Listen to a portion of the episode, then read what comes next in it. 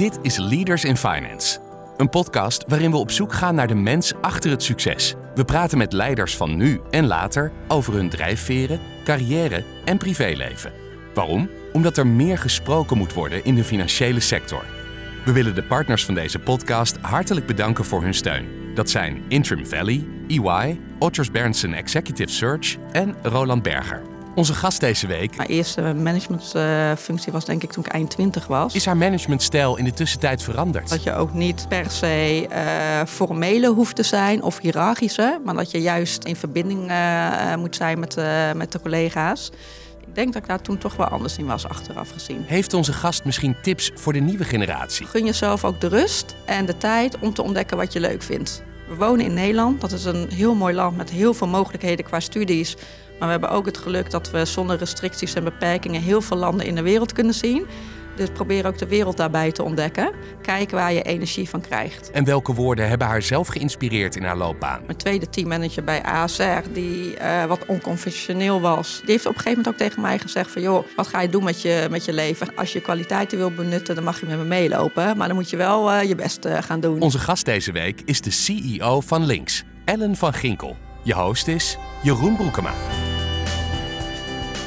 Welkom bij een nieuwe aflevering van Leaders in Finance. Deze week is de gast Ellen van Ginkel, de CEO van Links, de online broker. Welkom Ellen.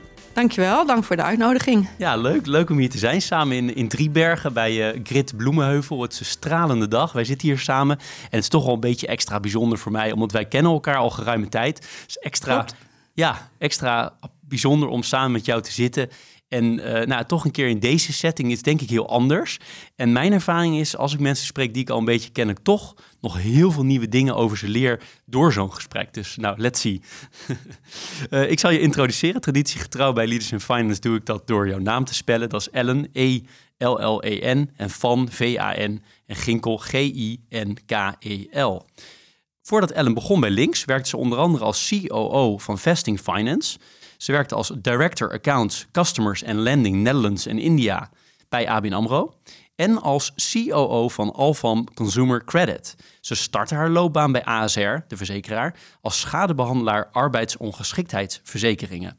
Ellen studeerde commerciële economie in Utrecht en deed daarna een studie bedrijfskunde aan de Universiteit van Groningen. Ellen is 46, getrouwd met Hendrik Jan. En samen hebben ze twee kinderen, Hugo van 15 en Katie van 13. En het gezin woont in Beeldhoven. Nou, hebben wel een beetje een beeld van jou, zowel zakelijk als privé. En wat ik leuk zou vinden om te starten, is te praten over links. Want ongetwijfeld heel veel mensen die dit luisteren kennen links. Maar ongetwijfeld ook heel veel die het niet kennen. En eh, nou ja, zoals veel luisteraars weten en zoals jij volgens mij ook weet, eh, ik heb begrepen dat je ook wel eens luistert, eh, doe ik dat graag aan de hand, structureer ik dat graag aan de hand van de stakeholders. En misschien leuk om te beginnen bij de klant als stakeholder. Wie zijn nou eigenlijk de klanten van links? Ja, dat ga ik eh, meteen eh, vertellen. Mag ik eh, eerst beginnen met heel kort uitleggen wat links is? Absoluut, Omdat, wat je zegt, een aantal mensen zullen, of luisteraars zullen links als bedrijf nog niet kennen. Links is een online broker voor particuliere en professionele beleggers. En opgericht in 2006. En Links biedt een geavanceerd platform waarmee wereldwijd belegd kan worden in aandelen, opties, futures, valuta, effecten en derivaten. Dat even in het kort over links. Hebben we, die hebben we vast binnen. Ja, En wie zijn dan de mensen die dat afnemen? De klanten. Eh, de klanten links richt zich op een eh, hele specifieke doelgroep. En dat zijn de actieve, eh, ervaren beleggers en traders. En dat is een specifieke doelgroep, omdat ze een eh, bovengemiddeld eh, vermogen eh, onder administratie aanhouden. Ze hebben spe- speciale wensen, ze zijn ervaren, dus ze verwachten ook echt wel wat van de broker waarmee ze samenwerken. dus dat zijn eigenlijk mensen die er best veel van afweten, relatief gezien. Ja, en best veel tot heel veel. Ja, dat klopt. Dat betekent ook, klinkt mij in ieder geval, dat het veel eisende klanten zijn. Ja, absoluut. Ja, dat, eh, dat zijn ze. En daar, eh, ja, daar is onze orga- organisatie ook op, eh, op ingericht. Ja.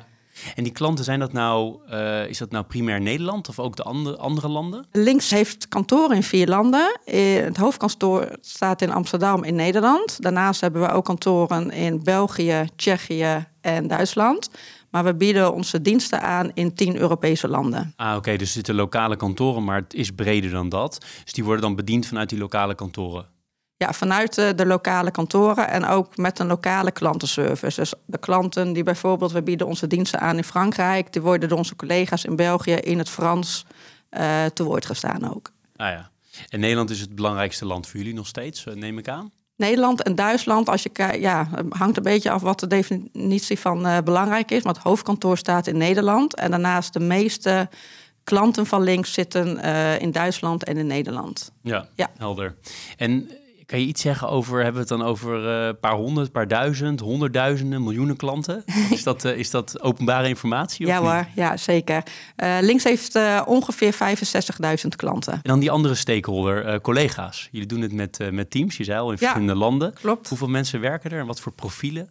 We werken met ongeveer 300 collega's. En de profielen zijn dat uh, nou, uh, jonge collega's over het algemeen. De gemiddelde leeftijd is uh, 29 bij links. De meeste collega's hebben zelf ook een passie voor beleggen. En dat moet ook wel. Als je onze doelgroep, onze klanten goed te woord wil staan, dan moet je zelf ook veel uh, begrijpen van het uh, product en de dienst die we aanbieden. Dus over het algemeen hoogopgeleide jonge uh, collega's met een passie voor beleggen. Duidelijk. En qua eigenaren, want dit bedrijf is niet een publiek bedrijf, weet ik. Nee, dus, klopt. Dus kan je iets zeggen over wie nou eigenlijk de eigenaren van Links zijn? Ja, de eigenaren zijn Rogier en Jeroen. Uh, zij hebben links opgericht in uh, 2006. Zij werkten zelf in de beleggingswereld. Ze hadden ook een uh, passie voor beleggen en waren zelf ook fervente beleggers. Zij zagen op een gegeven moment dat de grootbanken de markten domineerden en daar zagen zij een kans. en die hebben ze gegrepen en daar, toen zijn zij links gestart. Zij zijn nog steeds actief in het bedrijf ook? Nee, zij zijn niet actief in het bedrijf. Ze zijn uh, beide wel bestuurder geweest. Dus ze hebben, nou ja, het succes van Links is aan hun te danken. En uh, ze hebben jaren uh, in, bij Links gewerkt. Rogier is een aantal jaren geleden al uitgestapt. Jeroen is vorig jaar uitgestapt als bestuurder. Helder, helder. Ze zijn nog wel allebei als groot aandeelhouder op de achtergrond actief. Nou ja, ja. En hoe is het voor jou om, uh, om CEO te zijn van dit bedrijf? Een hele mooie ervaring. Ik heb, uh, nou, je, je, zei het net al uh, tijdens de introductie, ik heb hiervoor voornamelijk ervaring opgedaan als COO. Dus dit is voor mij ook weer een hele mooie ervaring om het op een iets breder vlak mij te mogen ontwikkelen bij, bij dit bedrijf. Maar het is ook echt wel een uniek bedrijf in de zin van cultuur, de sfeer die er hangt, hoe het opgericht is, de, de, de DNA van links die bij iedereen echt in de, in de genen zit. Het is echt wel een uniek bedrijf uh, vergeleken met de bedrijven die ik heb uh, meegemaakt hiervoor. Mooi, nou, dat, ja. klinkt goed. En dan ga ik toch mijn stakeholderlijstje nog even afmaken. Want eentje die ik ook altijd graag vraag is de samenleving. Hè? De, waar staan jullie als bedrijf in die samenleving? De samenleving als stakeholder, hoe, hoe kijken jullie daarnaar? Ja, en dat is wel een uh, goede vraag. Ook een uh, belangrijke stakeholder natuurlijk, is een van de stakeholders. Uiteindelijk zijn we natuurlijk een mooi bedrijf en we willen een mooi bedrijf runnen met een mooi resultaat. Maar ook voor de samenleving zijn we relevant. En dat ligt denk ik nog het meest besloten in onze kernwaarde do the right thing. En die kan je op verschillende manieren opvatten. Maar als je, uh, uh, als je kijkt naar de samenleving als stakeholder. Wat ik net zei, we richten ons op een specifieke doelgroep van klanten. Dat doen we bewust. Maar dat betekent ook dat we onze toegangsdrempel om klant te worden. Die zijn zwaarder dan bij andere uh, concurrenten of andere marktpartijen in, in deze wereld. Dat is soms een uh, commercieel gezien uh, niet altijd handig. Soms uh, twijfelen eraan van ja, zouden de toegangsdrempels moeten verlagen. Elke keer zeggen we nee, we varen onze eigen koers en dit is onze koers. En ook als je kijkt naar, we bieden een heel geavanceerd platform aan. Ja, dan moet je ook je verantwoordelijkheid nemen dat je ook niet iedereen via dat platform kan laten beleggen. Dus in dat opzicht denk ik dat het al besloten ligt in de, in de kernwaarde Do the Right Thing. Maar ook als je kijkt naar transparante communicatie. Het is een actuele discussie tegenwoordig. Uh, gratis beleggen, bestaat dat wel of niet? Nou, wij uh, zijn er heel helder in. dat, dat bestaat niet. Dus onze communicatie richting de klanten willen we ook zo transparant mogelijk houden. Hier zitten heel veel interessante dingen in. mooi uitgelegd trouwens. Eerst even die drempels. Heb je daar een concreet voorbeeld van? Betekent dat als je 2000 euro te beleggen hebt, dat je niet welkom bent? Of moet je is dat een drempel of zijn het andersoortige drempels? Ja, dat is uh, een van de drempels. Je moet minimaal 3000 euro uh, inleggen om klant te mogen worden. Daarnaast hebben wij ook nog wat kennis- en ervaringsvereisten. nieuwe klanten moeten een test doen. Ze moeten aangeven hoe vaak ze beleggen, hoeveel transacties ze normaal gesproken doen, hoeveel jaren ervaring ze hebben. Dus dat wordt wel gecheckt. En daar hou je dus echt aan vast. Want ik kan me voorstellen dat het altijd verleidelijk is om te denken... nou ja, weet je, beginnen maar eens even met een paar honderd euro... en wellicht zit daar een heel vermogend iemand achter... en dan gaat hij misschien wel door. Maar toch zeggen jullie, nee, we houden er echt aan vast. Je had die trouwens die drempel ook op 50.000 kunnen leggen... maar blijkbaar kies je hem ergens. Ja, klopt. We houden daar aan vast. En uiteraard komt die vraag wel eens naar boven van... moeten we er misschien minder strikt in zijn... En uiteindelijk is het antwoord elke keer weer: nee, we staan voor wat we doen. We richten ons op een niche-markt en dit zijn dan uh, toegangsvereisten uh, die erbij horen. Helder. En wat andere wat ik interessant vond, is dat je zei gratis beleggen bestaat niet. Er zijn natuurlijk uh, zonder namen te noemen, maar allerlei partijen die dat wel roepen. Of ja. in, in, some form of fashion. Ja. Um, dat is dan ook wel ergelijk, want als het in jullie beleving niet bestaat, dan is dat lastig om daar tegen te concurreren, toch? Als men, dat eenmaal in mensen hun hoofd zit, dat het gratis kan. Ja, het heeft denk ik ook meer met de manier van communiceren en adverteren te maken. Uh, wij vinden zelf dat elke belegger, hoe jong of oud ook, hoe ervaren of onervaren, moet begrijpen dat gratis beleggen kan gewoon niet. Elk bedrijf maakt kosten en die moeten ergens terugverdiend worden. En nou ja, dan zijn er natuurlijk verschillende manieren waarop je dat kunt communiceren. Nou, wij kiezen ervoor om daar uh, zo transparant mogelijk in te zijn. Als we dan meer naar jou toe gaan bewegen, nog niet helemaal terug naar jouw jeugd, daar kom ik graag ook nog op. maar ik vond het wel leuk in die introductie hè, dat er staat dat je begonnen bent bij ASR als, um, als uh, uh, ja, hoe, wat is precies de, de term schadebehandelaar. schadebehandelaar. hoe kwam je daar zo terecht? Ik had uh, na mijn studie ben ik vrij impulsief met een vriendin uh, op een wereldreis uh, gegaan. Zijn we vier en een halve maand weg geweest, door Zuid-Amerika, Nieuw-Zeeland en Azië getrokken. Ik kwam terug, nou eigenlijk zonder recent te makken. we hadden een super mooie tijd gehad, maar we hadden daar niet gewerkt. Dus ja, er moest weer geld verdiend worden. En dat was in het jaar 2000. En dan was nog het jaar dat, je, nou, dat er redelijk veel banen beschikbaar waren. Je ging toen ook naar een uitzendbureau als je een baan wou. Ik weet niet of dat tegenwoordig nog steeds is. Ik, ik hoor daar steeds minder over, maar uh, uh, dat weet ik eigenlijk niet. En ik ging naar het uitzendbureau en ik kom meteen bij een aantal bedrijven uh, terecht.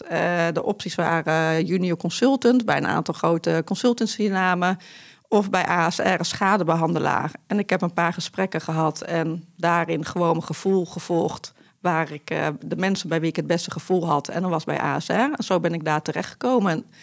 En toen, uh, toen de tijd met de gedachte van, joh, dat ga ik een paar maanden doen. En dan heb ik in ieder geval inkomsten. En dan kijk ik in de tussentijd wat ik daadwerkelijk wil gaan doen. Maar van daaruit is eigenlijk mijn hele carrière gestart. Grappig hè, hoe dit kan lopen. En is het dan het feit dat het alleen die mensen waren waar je goed mee kon opschieten in die gesprekken en waar je goed gevoel bij had? Of had je ook zoiets in die financiële sector? Vind ik wel interessant. Vooral de mensen. Ja, ik heb niet heel bewust voor de financiële sector gekozen. Nee. Eigenlijk kunnen we nu achteraf met de wijsheid van nu dus stellen dat als je niet toevallig een goede klik daar had gehad, had je misschien een hele andere sector gewerkt. Want nu heb je wel al jouw banen daarna zijn allemaal in de financiële sector geweest. Ja, klopt. Eh, dat vind ik zelf ook wel interessant. Ik heb mezelf dat ook wel eens afgevraagd. Zou best leuk zijn om te weten hoe het anders was gelopen. Daar kom je natuurlijk nooit achter. Maar het is, een, uh, het is meer toeval geweest dan, uh, dan wijsheid. Ja, en hoe vond je die baan inhoudelijk? Uh, schadebehandelaar. Ehm, nou, het was een leuke baan om erin te komen. Ik heb daar heel veel geleerd van operations.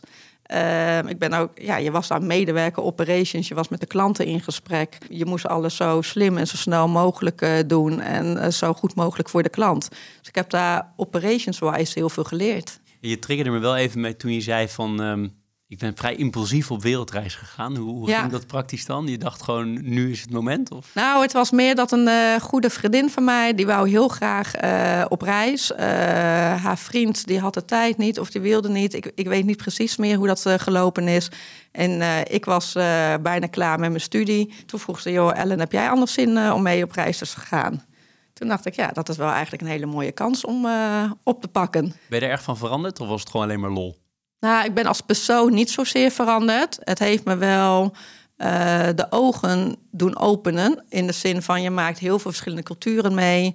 we, waren redelijk onvoorbereid uh, weggegaan. We starten in uh, Ecuador. Nou, bijna niemand sprak daar Engels. Dus je moet met handen en voeten moet je wegwijs maken. En je merkt dan wel tijdens zo'n reis dat je eigenlijk heel veel kan regelen en een hele mooie tijd kan hebben. Ook al spreken niet allemaal dezelfde taal. Ook al is de cultuur totaal anders.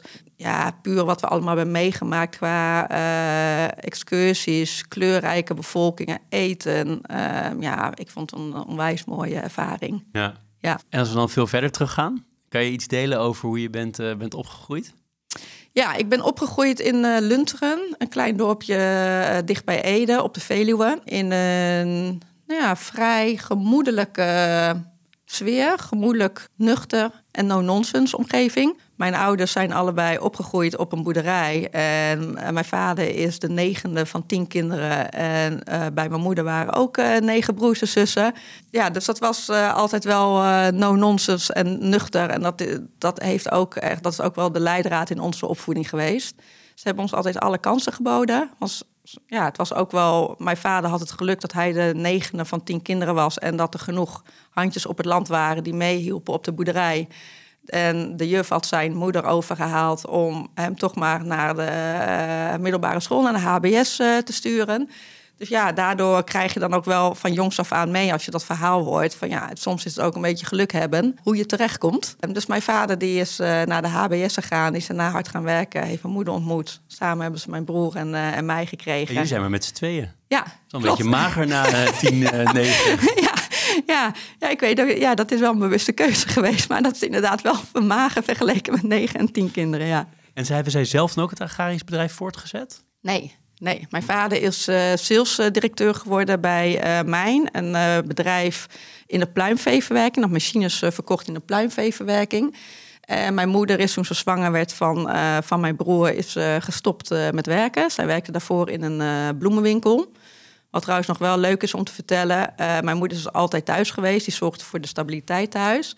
Maar ik ben begonnen met werken op 1 oktober 2000 dat is ook de datum dat mijn moeder weer is begonnen met werken in een uh, schoenenwinkel. Dus wij zijn beide begonnen op 1 uh, oktober hey, 2000. Ja. Dat is, dat, is, mooi. Heeft ze het lang gedaan? Ja, tot haar pensioen. Tot haar ja, pensioen. iets van 15 jaar. Wel, ja. van de bloemen naar de schoenen. Ja. Dit is Leaders in Finance met Jeroen Broekema.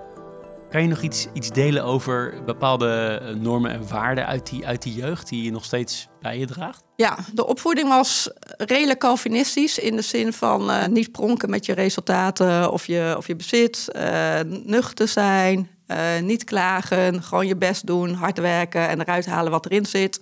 Ook werken voor je geld. Ja, dat zit er bij mij ook redelijk ingegoten. Ik moest in mijn jeugd op de middelbare school in elke zomervakantie drie weken werken. Dat moest ik ook zelf maar regelen. Dan ging ik naar een uitzendbureau en ik kwam in de meest aparte situaties terecht. Waardoor je ook wel leert om te gaan met heel veel verschillende mensen. Je ziet wat er voor verschillende banen uh, zijn. Ik heb bijvoorbeeld één keer moest ik drie weken werken. In, dan kwam ik in een servettenfabriek uh, terecht. In een grote productiehal. Waar servetten dan werden ingepakt. En dan kwam ik ook in een soort ploegendienst terecht. Met een aantal dames die daar al jaren werkten. En die hadden hun eigen taaltje met elkaar ontwikkeld. Ja, dan kom je daar als buitenstaande bij. Dan denk je, oké, ja, ik versta helemaal niks van wat, van wat ze zeggen. Maar ja, dan moet je ook maar uh, staande houden. En dan waren mijn ouders wel zo van, ja... Hey, succes. ja, succes. Veel plezier. Heb je die taal geleerd? Op nee. taal? Nee, dat is niet gelukt. Dat is me nooit gelukt in de drie weken. heb je niet kunnen integreren.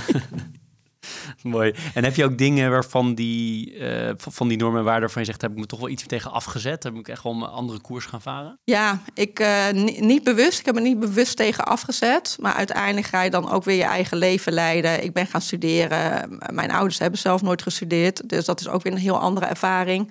Waar je ook weer andere dingen leert. Uh, ja, ik heb geleidelijk aan ook wel steeds meer uh, besef van je moet goed genieten van het leven. Dus niet alleen en mag maar het Calvinistische. Niet alleen maar het Calvinistische. Soms uh, ja, mag je daar ook wel wat aan uitgeven als je het eh, waardevol genoeg vindt. Eh, maar vergeet vooral niet te genieten naast het harde werken. Nee, precies, want je hebt later heel veel verder in je carrière voor links ook een sabbatical gehouden. Dat is iets wat je misschien niet zo snel zou doen als je alleen maar in die mindset zit van werken. Nee, nee, daar moest we ook echt wel even toe zetten. Um, ik heb er achteraf gezien enorm van genoten. Ik ben tien maanden uh, thuis geweest. Nou, ik zat net thuis, toen begon corona, waardoor ik ook, nou ja, uh, ik werd gedwongen zeg maar om het ook rustig aan te doen. Want ik was net begonnen, toen dacht ik, nou, dit ga ik niet een jaartje volhouden. Misschien ga ik toch maar weer om me heen kijken, waar ik toch nog in die actiemodus zat.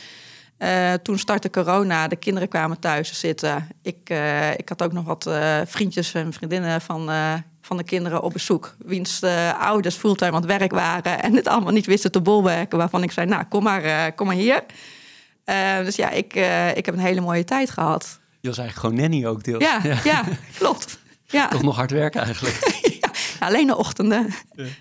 Nou, dat vind ik, vind ik wel interessant uh, bruggetje naar, naar motiveren. Hè? Want jij hebt natuurlijk uh, in je carrière heel vaak teams aangestuurd. Hè? Ik weet, uh, bij ABN allemaal enorme teams met honderden mensen of nog meer. Ja. Nu ook weer, stuur je ook weer een hele grote groepen mensen aan. nou, je hebt die, die kinderen dus moeten aansturen tussen aanleidingstekens tijdens zo'n sabbatical. Hoe motiveer jij mensen? Hoe doe je dat? Ten eerste door laagdrempelig te zijn door vragen te stellen en in contact echt in contact te komen met de mensen. Hoe meer vragen je stelt, hoe meer je ook komt te weten. Ook wat goed gaat in een bedrijf of thuis.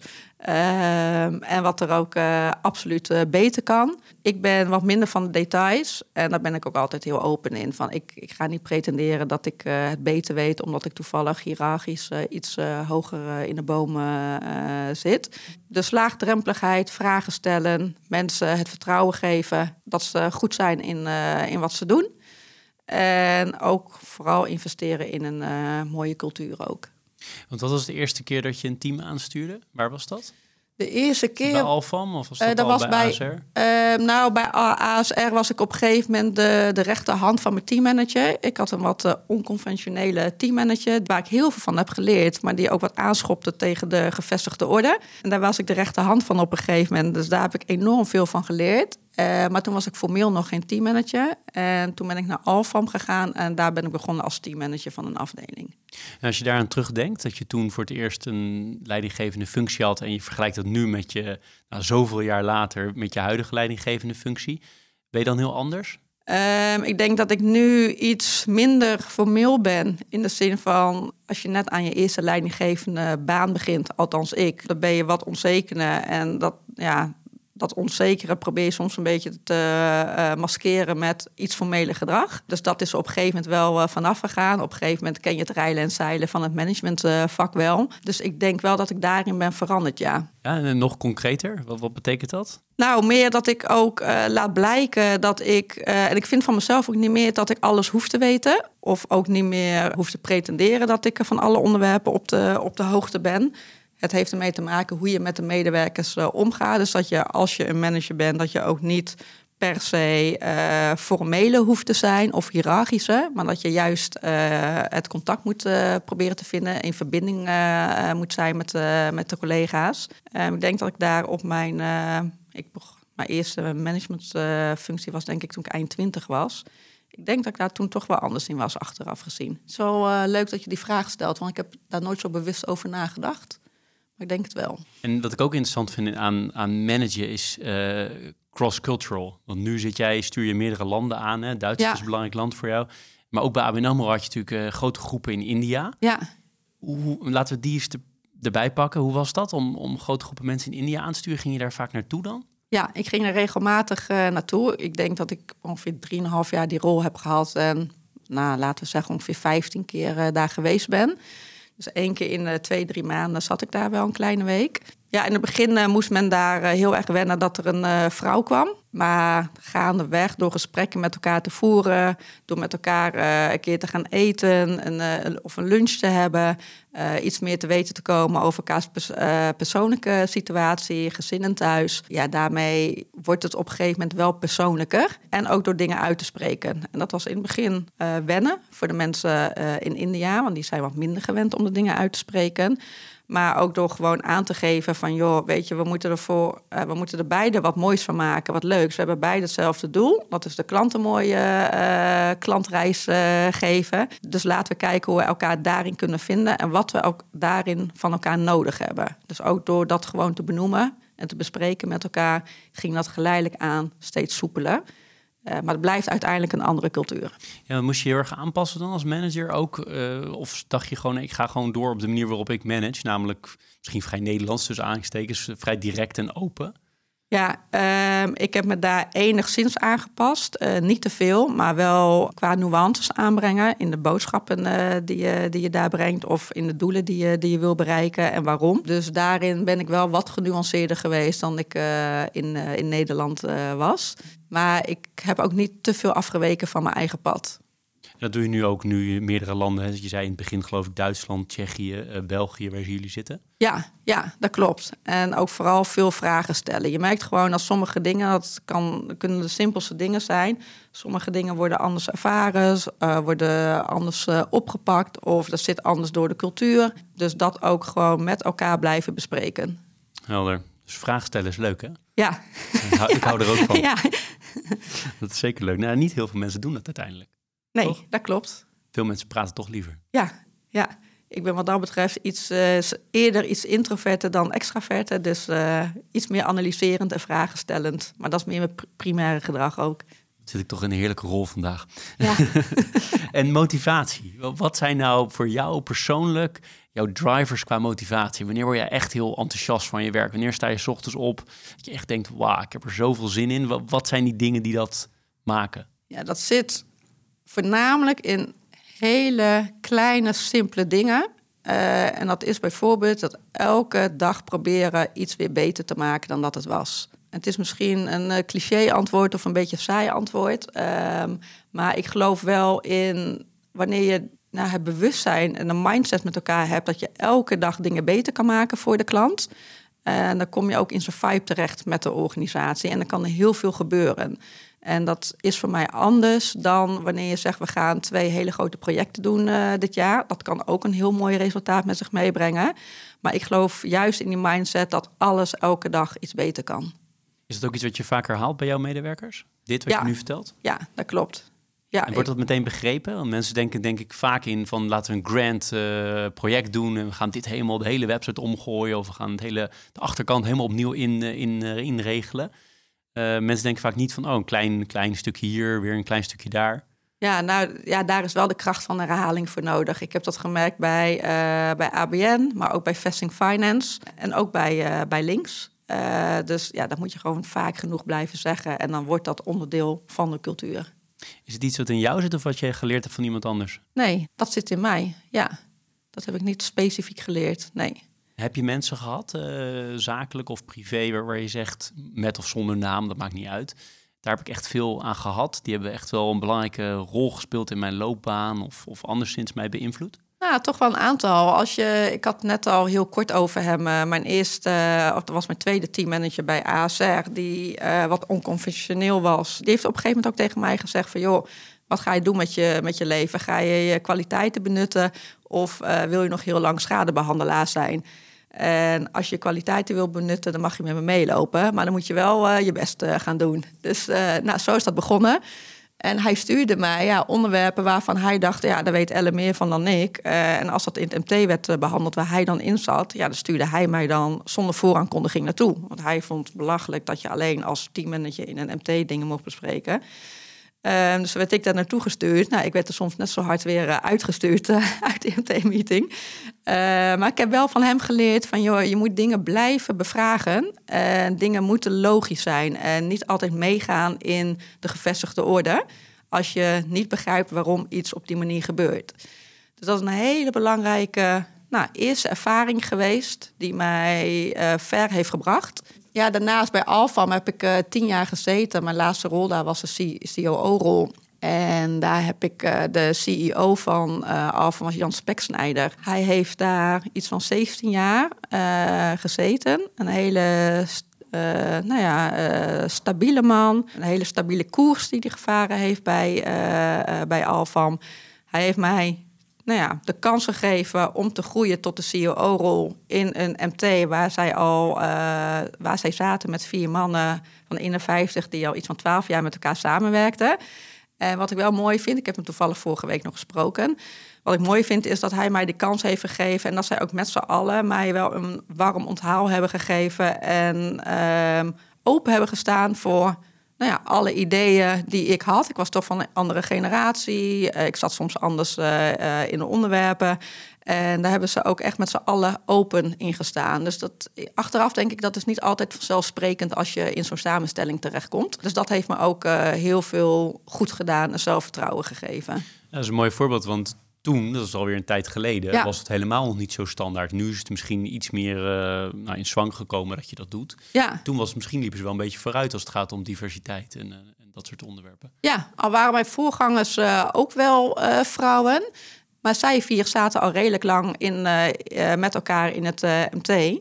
Uh, maar achteraf denk ik, ja, het is wel bijzonder dat ze me op deze manier onthaald hebben en mij met dingen hebben laten doen op mijn eigen manier. En privé zijn er mensen die heel belangrijk zijn voor je, voor je loopbaan? Voor mijn loopbaan? Nou, uiteraard uh, Hendrik Jan, mijn man. Hij heeft mij altijd gestimuleerd in de zin van als er een kans voorbij kwam en als ik soms wel twijfelde van ja, is dat te doen met uh, hele kleine kinderen? Of hoe gaan we dat, uh, hoe gaan we dat uh, doen? hij heeft ook een fulltime baan.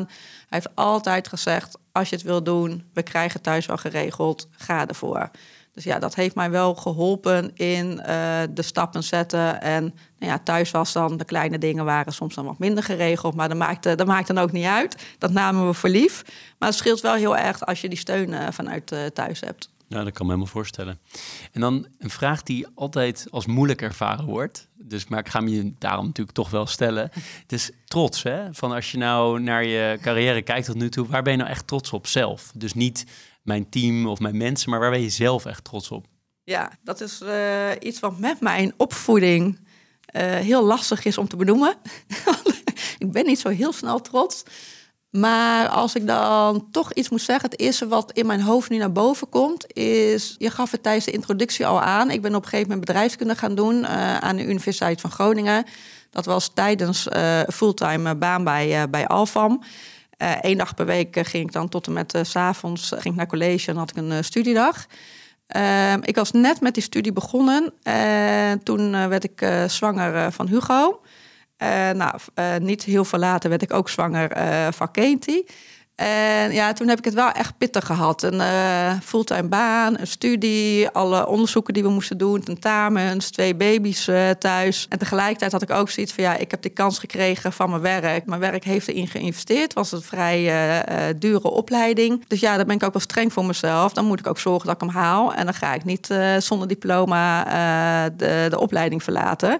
Maar dat heeft me heel veel tijd en uh, energie gekost. Uiteindelijk ben ik er dan wat trots op dat ik bijna in de eerste lichting mijn bul heb gehaald. Waar ongeveer de helft van mijn groep het uiteindelijk niet meer gehaald heeft. Uh, maar ik weet wel dat ik, uh, het zat constant in mijn hoofd. Het heeft me, het heeft me echt heel veel energie gekost.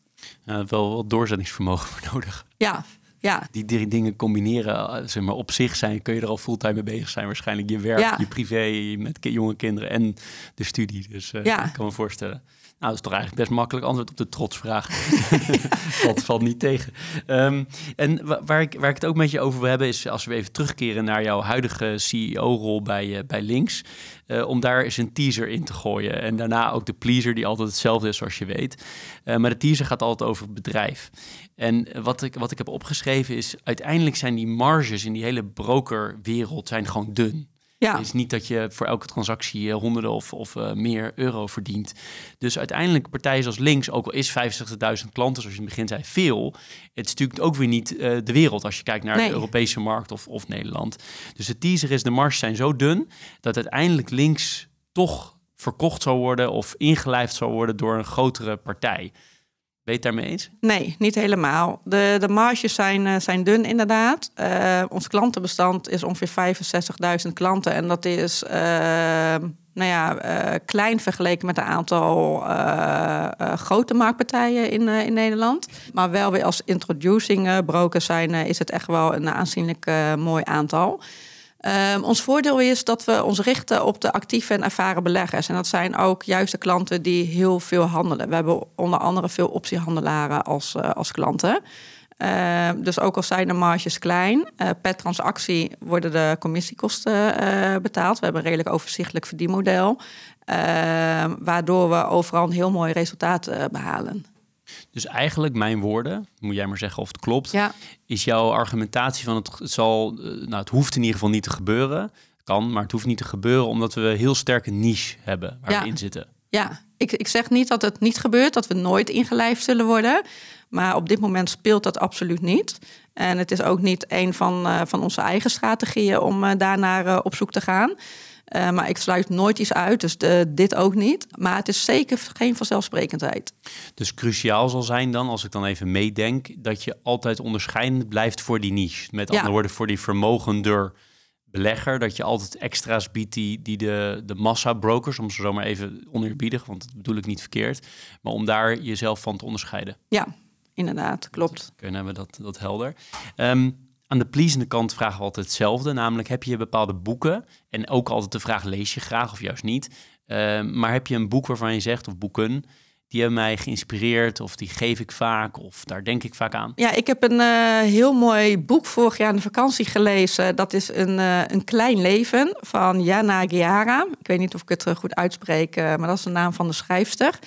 Eh, vorig jaar in de vakantie eh, gelezen. Een dikke pil van ongeveer 700 pagina's. Ja, die, die zit nog steeds in mijn hoofd. Het begon eigenlijk als een, eh, als een simpel romannetje, zo leek het. Over vier vrienden die elkaar die in New York wonen en elkaar al 30 jaar kennen. Maar geleidelijk aan word je in dat boek steeds meer meegenomen in de gebeurtenissen die plaats hebben gevonden in een jeugd. En waarvan ze al, niet altijd op de hoogte zijn eh, van elkaar.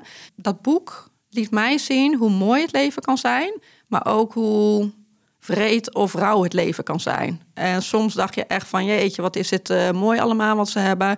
En op sommige momenten biggelden de tranen over mijn wangen, wat ik eigenlijk bijna nooit heb met het boek. Dus ik vind dat, ik vind dat echt wel een aanrader. Wauw, ik Ja. heb er nooit van gehoord, ik ben benieuwd. Ja, Dus ehm ik krijg een altijd veel aanrader. tips hier, dus ik heb veel te lezen. ja. En dit klinkt, eh, klinkt heel interessant, inderdaad. Wat mooi. En lees je, lees je zelf veel? Of ik lees niet veel. Ik lees wel graag, maar eh, niet veel, helaas. tijd?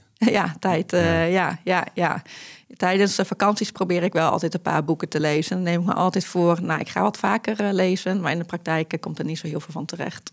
Nee, zeer herken- herkenbaar onder, onder CEO's. Bijna allemaal lezen ze graag en bijna allemaal komen ze niet toe. Ook omdat ze voor hun werk natuurlijk al zoveel moeten, moeten lezen. Ja, Tips, hè? Als je kijkt naar de, de luisteraars die nog moeten beginnen aan hun eh, werkzame leven... of daar net, net aan begonnen zijn.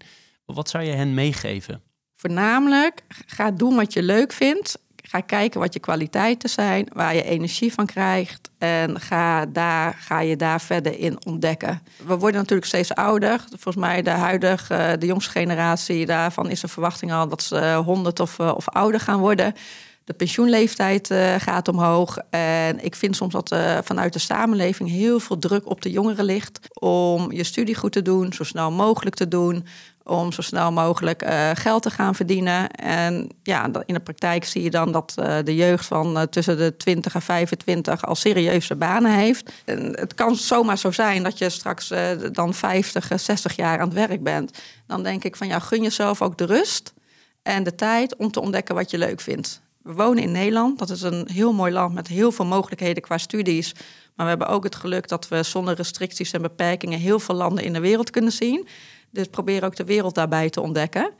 Als je interesse daarvoor hebt, eh, in ieder geval. Maar ook eh, qua mogelijkheden, qua studies. En of je nou graag in de praktijk eh, werkt of theoretisch graag aan de slag gaat. Kijk waar je energie van krijgt. En als je dit, is prachtig verwoord, maar als je dit nu aan je, tegen jezelf zou zeggen, die daar bij de uitzendbureau bezig is om de baan bij ASR aan te nemen, he- heb je daar een beetje naar gehandeld, denk je? Of denk je dat ook een goede tip voor jou was geweest? Nou, ik heb ernaar gehandeld in die zin, maar dat was meer geluk dan, eh, dan wijsheid eh, toen. Ik heb er toen de tijd niet zo over nagedacht. Maar ik, heb wel die, ik ben wel die wereldreis gaan maken, eh, waar ik echt met zoveel plezier nog op terugkijk. Dus dat zou ik iedereen gunnen. En uiteindelijk, ook al zat het niet in het aard van beestje, dat ik die tien maanden sabbatical ook heb genomen voor mezelf, eh, ook al had ik geen andere baan. Eh, ik geloof dan altijd wel in van, joh, er komt altijd wel weer wat op je pad. En ik ben daar wel, ik ben wel positief gestemd. Ik heb een positief gestemd karakter. Dus ik heb er enigszins naar gehandeld. Enigszins, mooi, mooi. Leaders in Finance met Jeroen Broekema. Heb je ook mensen die jij, ehm, die jij binnen bedrijf of buiten bedrijf, die, die jij nu coacht? Nee, op dit, eh, op dit moment eh, niet. Nee. En andersom, laat jij je coachen? nee, ook niet. Is dat Nee. iets wat je wel, eh, wel zou willen doen, denk je? Ja, ik heb eh, verschillende coaches gehad en daar heb ik altijd eh, hele prettige ervaringen mee gehad. En het houdt je scherp, het laat je nadenken. Ehm, Soms kom je weer tot andere inzichten. Dus dat is zeker iets waar ik open voor sta. Uh, afgelopen nee, anderhalf jaar sinds ik bij links zit, heb ik daar de tijd ook en rust niet voor genomen. Um, maar een hele goede vraag. Uh, goed om weer eens op te gaan pakken. Ik weet het niet, het moet ook net passen inderdaad in het uh, moment en, uh, en, en, de persoon die daarbij past natuurlijk. Ik wil het ook met je hebben over privé en werk. Hè, in hoeverre je dat kan scheiden of dat dat één is. Dat, dat vind ik interessant om te bespreken. en ook hoe jij dat doet. Zeg maar, hoe zorg je dat in een hele drukke baan, waar veel mensen iets van je willen, je toch ook tijd houdt voor, voor, voor je man, voor je kinderen, voor je vrienden, et cetera. Ja, ik heb altijd fulltime gewerkt. Dus ik weet soms ook niet beter dan hoe het is om uh, niet fulltime te werken. En daarin hebben Hendrik en ik altijd een, uh, een goede balans weten te vinden. Waarbij uiteraard zo is dat de een soms veel drukker is dan de ander en andersom. dus soms is het ook heel hectisch, maar we proberen daar wel echt de tijd in te nemen door een weekendje weg te gaan, geregeld een hapje te eten samen. We vinden het allebei ook erg belangrijk om uh, zo nu dan met uh, hij met vrienden of ik met vriendinnen een, uh, een tripje te maken. De zomervakantie doen we altijd met z'n vieren. Iets minder voor de hand liggend vakantieland gaan we met z'n vieren altijd doorheen trekken, zodat we alle tijd voor elkaar hebben. En daarnaast, ik probeer ook te sporten. Ik deed dat vaker dan nu. Dus ik moet dat weer uh, opgepakken. Maar ik ben nu nog één keer per week met een personal trainer bezig. Twee vriendinnen en een personal trainer om uh, fit te blijven. We proberen ook wel op ons eten te letten.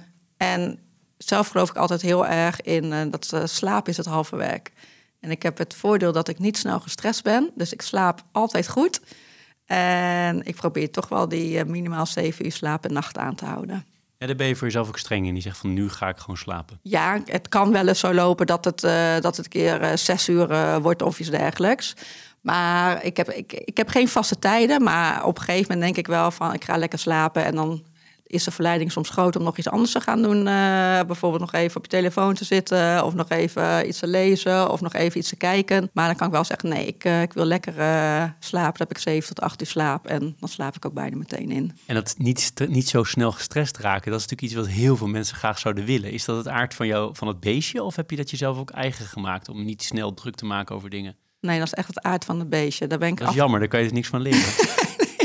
ik ben de afgelopen jaren steeds meer bewust van geworden. Want je hebt dat van jezelf niet in de gaten. Maar ook als ik met uh, vriendinnen aan het sparren ben. En wat je in je werkomgeving ook meemaakt. Nee, ik heb het geluk. En dat, ik geloof echt dat het aard van het beestje is. Ik heb geluk dat ik niet snel gestrest uh, ben. En dat ik goed kan relativeren. Je bent... Uh we zijn in introductie 46, dus er kan nog, nog heel veel mogelijk qua loopbaan.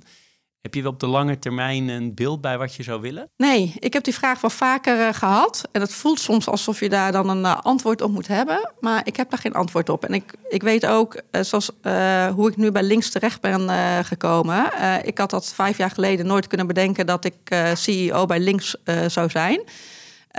Um, dus ik ben ook wel het type dat ik dingen op me af laat komen. Of de kansen die voorbij komen, die, dat ik die ook, ook grijp. En ik ben niet heel erg van het vooruitplannen waar ik over vijf of tien jaar wil staan. Het is niet helemaal toevallig dat je in die financiële sector gebleven bent, of wel? Ben je gewoon van het een in het andere gerold eigenlijk? Of zit er toch zoiets in dat je bepaalde connectie ermee hebt gekregen? Nou, ik heb dan een bepaalde connectie wel meegekregen. En op een gegeven moment zit je wat langer in een sector. En je netwerk bestaat dan ook eh, voor een groot gedeelte uit mensen uit de financiële sector. En op die manier komen dan ook weer volgende kansen voorbij.